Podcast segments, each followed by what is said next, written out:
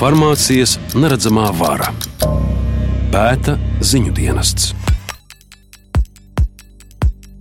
aptiekas farmaceitiem un vairs nekādu lielo tīklu, kas ir vienā biznesā ar lieltirgotājiem. Kaimiņu valstī Igaunijā tie nav tikai saukļi, ir likums, kam būtiski jāmaina aptieku īpašuma tiesības, un to nozarē kodolīgi dēvē par likumu 2020. Tam jāstājas spēkā pēc divarpus gadiem, tomēr vēl nevar teikt hop. Iespējams, priekšā vēl būs pamatīga cīņa. Igauniem gaišā piemiņā ir piemērs, kā viss izvērtās kaimiņu zemē. Mani sauc Laura. Dzērve un uz Igauniju devos, lai vairāk uzzinātu par šo likumu. Uh... Ja aptiekas īpašnieks nav farmaceits, tad vienīgais mērķis ir taisīt naudu, un farmaceits tad ir slaucamā govs naudas taisīšanā. Farmaceita Karina Alamā Āsa ieskicē viņas prāta galveno atšķirību starp aptiekām, ko vada farmaceiti un tīkla aptiekām, kas vienā biznesā sasaistītas ar lieltirgotavām. Alamā Āsa ļoti iestājas par jauno likumu, taču pretējs viedoklis valda lieltirgotavā Tamro Baltics. Kā likumā esot būtiskas problēmas un likums ir jāmaina. Šis stāsts nav par to, ka Igauni būtu mūs apsteiguši ar kādu jaunu ideju.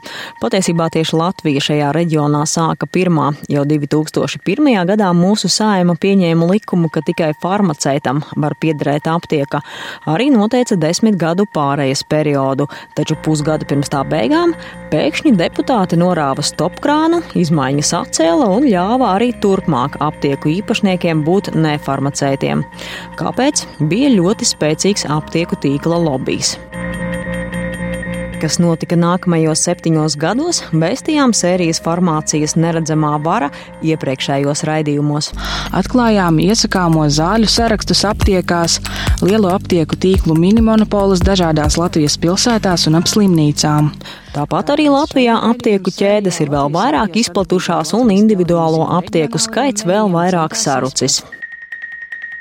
Uh, uh, Mazā ciematā aptieka ir kā centrs.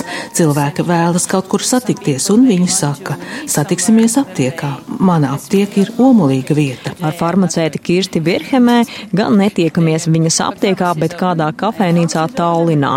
Viņai pilsētā ir darba darīšanas. Kirsti gan uzreiz telefonā parāda fotogrāfijas no savas aptiekas. Izrādās tā atrodas vecā tumši brūnā koka ēkā, kuras lieve ģimeni taisījusi pati Kirstī. Tie nav lauki, tomēr aptieka diezgan atgādina omulīgu lauku aptieku. Iekštelpās vienu sienu klāja puķainas tapetes, pārējās ir olīvu krāsā. Kādā bildē redzams, ka aptiekā var arī piesēst bēšos mākslīgās ādas krēslos pie žurnāla galdiņa. Nok, nok. Vecāki cilvēki pieklauvēt pirms nāk iekšā, bet mazie savukārt grib vilkt nost kurpes, te taču ir kā mājās. Ir arī gana daudz patstāvīgo klientu. Te, piemēram, spilgta ainiņa no pagājušās nedēļas Kirstī aptiekā. When, um, Kāda sieviete vēlējās pie mums izmērīt asinsspiedienu. Tas bija diezgan augsts, un es jautāju, vai jums ir zāles. Viņa saka, nē, tās ir beigušās. Esot lietojusi vīra zāles, taču nesot līdzējušas. Es saku, jūs nevarat lietot vīra zāles, jums jādzer savas.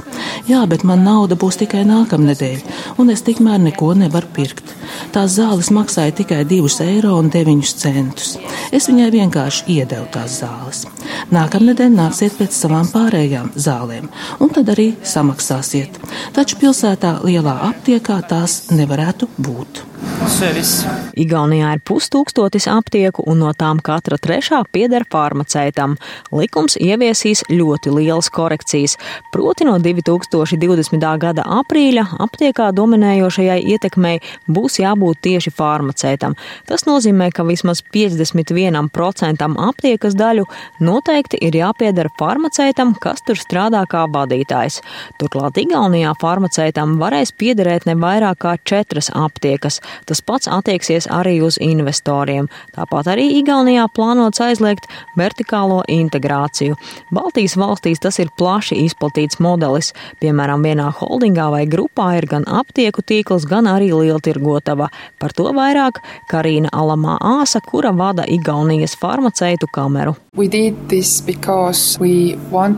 Mēs to izdarījām, jo vēlējāmies nodalīt lielās aptieku ķēdes no lielu tirgotavām, lai farmācijas nozarē būtu normāla konkurence. Likumam tika noteikts piecu gadu pārējas periods, un tas tagad ir pusē. Karina zina vairākus farmaceitus, kas vēlēsies atvērt savas aptiekas. Pati viņa kā farmaceite strādā juristam piederošā aptiekā un savu aptieku vēlētos, taču šobrīd Igaunijā atrast labu vietu esot grūti. Piemēram, lielajiem pārtikas veikaliem jau ir savi līgumi ar kādu no aptieku ķēdēm. Arī farmaceite Kirsti Virhemē, kurai pieder jau pieminētā omulīgā aptieka, vēlētos vēl vienu. Ja kāds man piedāvās iegādāties aptieku, protams, es to apdomāšu. Patiesībā jau nav nemaz nepieciešami lieli ieguldījumi, lai atvērtu jaunu aptieku. Vajadzīgas tikai telpas, mēbeles un produkti, preces. Es patiešām vēlētos atvērt vēl kādu aptieku, jo, ja ir viena aptieka mazā apkaimē, nopelnīt naudu ir grūti. Vēl vienas aptiekas iegādi arī apsvērtu farmaceite Ulla Rebane, kurai šobrīd pieder aptieka Pelcamā, apmēram pusotras stundas braucienā no Tallinas. Šī aptieka izskatās citādāk nekā Kirstī piederošā. Tās interjers vairāk atgādina kāda lielāka tīkla aptieku. Mēbeles ir spodri baltas, lakoniskas un modernas. Nevar nepamanīt arī apoteka aptieku tīklam raksturīgos stila elementus, klucīšas ar āburtu. Izrādās Igaunijā daļa farmaceitiem piederošo aptieku sadarbojas ar lielajiem tīkliem uz franšīzes pamata. Piemēram, ir kopīgs mārketings. Šī aptieka simtprocentīgi pieder man, un es to jau vadu 22 gadus. Un man ir frančīze ar apoteka tīklu. Kāpēc? Lieltirgotavām ir līgumi ar zaļu ražotājiem, un tiem ir iespēja iegūt zemāku cenu. Līdz ar to arī aptiekām tad ir zemākas cenas. Ja esi viens, ir grūtāk runāt ar ražotājiem. Taču tas nenozīmē, ka apoteka var man norādīt, kas man jādara. Es pati simtprocentīgi lemju, ko es savā aptiekā daru, ko pārdodu. Šī franšīze balstās uz brīvu gribu. Jauno likumu, kas Igaunijā pilnībā izmainīs aptieku īpašumtiesības, farmaceite gaidot. Protams, ka esmu laimīga. Es biju viens no cilvēkiem, kas uzsāka darbu pie šīm izmaiņām, tāpēc, ka Igaunijā šobrīd ir pārāk daudz aptieku. Tas rada problēmas, jo mums nav pietiekami daudz farmacētu, kas tur strādātu. Daudzās aptiekās strādā tikai viens speciālists, un otrs ir tikai palīgs bez atbilstošas kvalifikācijas. Igaunijā ir viena aptieka uz 2,5 tūkstošiem cilvēku. Latvijā skaitļi ir līdzīgi. Rekomendācijas Eiropā viena uz 4 tūkstošiem. Taču kādas ir problēmas, ja tirgū dominē lielie aptieku tīkli? Tā ir ne tikai Igaunijā, bet arī, piemēram, Latvijā, Lietuvā. Manis uzrunātie Igaunijas aptiekāri atbilda vienoti. Lielajās tīkla aptiekās farmaceits bieži vien kļūst par pārdevēju, lielu lomu spēlējot vertikālā integrācija lieltirgotavu un aptieku tīklu sasaiste vienā biznesā. Turpina Ula Rebane. Tādā veidā viņi kontrolē visu pārdošanas procesu, izdomā, ko pārdot un ko nepārdot. Te lielākā nozīme ir naudai. Mēs farmaceiti esam mācījušies piecus gadus universitātē, un mēs vēlamies palīdzēt cilvēkiem un pret viņiem attiekties kā pret pacientiem, nevis kā pret pircējiem. Nauda ir svarīga, protams, bet individuālajās aptiekās tā nav pirmajā vietā. Es esmu par to pārliecināta. Farmaceite Karina Alamā Āsa savukārt izceļ ikdienas dilemmas, ar kādām nākas saskarties aptieku tīklos strādājošajiem. The main problem is that our pharmacist uh, can't be independent. Galvenā problēma ir tā, ka visi farmaceiti nevar būt neatkarīgi. Aptieku ķēdēs strādājošie farmaceiti patiesībā ir ļoti sarežģītā situācijā. Viņiem ir spiediens no divām pusēm. Spiediens nāk no galvenās mītnes, ir jāpārdod konkrētas zāles, un otras puses ir farmaceita profesionālā ētika.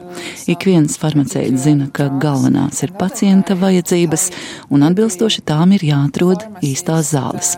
Bet spiediens no otras puses ir ļoti spēcīgs.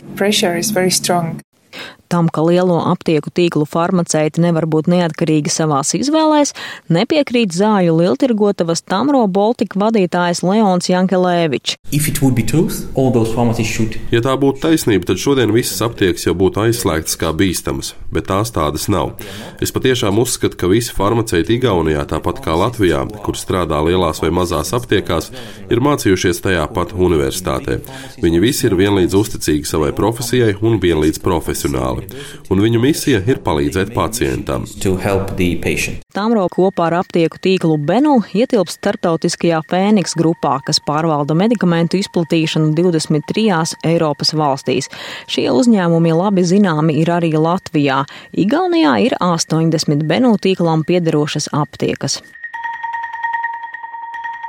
Jauno likumu, kas Igaunijā pilnībā izmainīs aptieku īpašumtiesības, Lieltirgotava kritizē, pat vērsusies Igaunijas parlamentā un citās institūcijās, vēršot iestāžu uzmanību uz to, ka šī likuma norma pārkāpja divpusējo investīciju līgumu, kas noslēgts starp Igauniju un Vāciju, kas ir Fēniks grupas mītnes zeme. Tamro Baltiks vadītājs arī atsaucas uz nesenu pētījumu. Tas vēsta, ka 97% iedzīvotāju Igaunijā ir ļoti ļoti apmierināti ar farmācijas pakalpojumiem. Tāpēc lielais jautājums te esot, kurš iegūs no likuma 2020? Es patiešām uzskatu, ka neiegūs neviens. Valsts neiegūst, pacienti neiegūs, un arī farmaceiti, aptieku īpašnieki neiegūs. Līdz ar to šis likums nerisina nekādas problēmas. Ar mani varētu strīdēties, piedāvāt citu alternatīvu redzējumu tad, ja parlaments būtu veicis jebkādu analīzi, kas atbalstītu šo likumu. Taču nav nevienas pašas lapuses, nav analīzes par ietekmi. Likums ir sarakstīts steigā, neizvērtējot plusus un mīnusus. Jaunais likums uz Tamro Baltics un Benu aptiekām attieksies visnotaļ tieši, tāpat kā arī uz citiem lielajiem aptieku tīkliem. Leons Jankelēvičs norāda, ka atbilstoši likuma redakcijai sanāk, ka Benu 80 aptieku tīkls ir jāsaskalda un jāpārdod piemēram 20 jauniem īpašniekiem, katram pa četrām aptiekām. Vairāk aptieku vienam īpašniekam nevarēs būt. Likums būtībā pieprasa piespiedu īpašumu atsevināšanu, jo līdz 2020. gadam mums ir jāatbrīvojas no aptiekām. Tāpēc, ka tikai farmaceitam drīkstēs piederēt aptiekas, taču pircējs zina, ka mums aptiekas nāks pārdot. Līdz ar to pircēji visticamāk piedāvā šo cenas, kas neatbilst patiesajai vērtībai. Tāpat arī Tamro Baltics vadītājs norāda, ka saskaldot labi funkcionējošas aptieku ķēdes ļoti mazās kompānijās, tās finansiāli būs mazāk spēcīgas nekā aptieku tīkli. Lai šīs kompānijas varētu izdzīvot, valstī nāksies palielināt noteiktās zāļu cenu robežas, un tas novedīs pie augstākām zāļu cenām. Tam gan nepiekrīt individuālo aptieku īpašnieki. Viņu prāt zāļu cenas īpaši nemainīšoties. Izskan arī viedokļi, ja tirgū būs daudz vairāk konkurentu, nevis tikai daži lielie spēlētāji, tad varētu būt pat zemākas cenas bezrecepšu zālēm un uzturbagātinātājiem. Igaunijas sociālo lietu ministrija pagaidām likumu komentē diezgan lakoniski. Lūko par ieguvumiem pastāstīja ministrijas pārstāve Eda Lopato. All, uh, uh Vispirms jau šiem papildu ierobežojumiem vajadzētu uzlabot konkurenci mazajā farmācijas tirgu Igaunijā, turklāt palielinot farmaceita profesionālo neatkarību, īpaši jau lemjot par zāļu iegādi no dažādām lieltirgotavām, šīm izmaiņām būtu kopumā jāuzlabo zāļu pieejamība. Arī jāveicina farmācijas pakalpojumu kvalitāte un zāļu racionāla lietošana.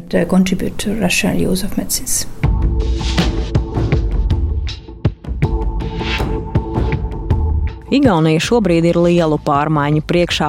Mūsu valsts piemērs ar pārdomāšanu pēdējā brīdī Igauniem ir labi zināms. Gan likuma atbalstītājiem, gan kritiķiem, un no tā var smelties pieredzi.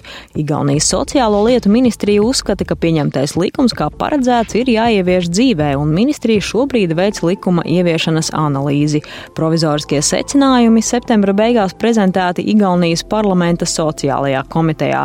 Tā secināja, ka likums jāievieš kā plāno plānots, taču lieltirgotāji gaida analīzi un cer, ka likumu vēl izdosies mainīt, sakot, mums vēl ir divi ar pus gadi.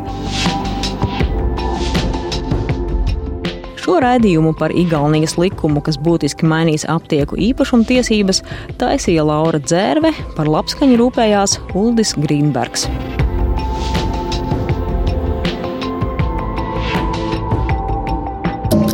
Farmācijas neredzamā vara pēta ziņu dienests.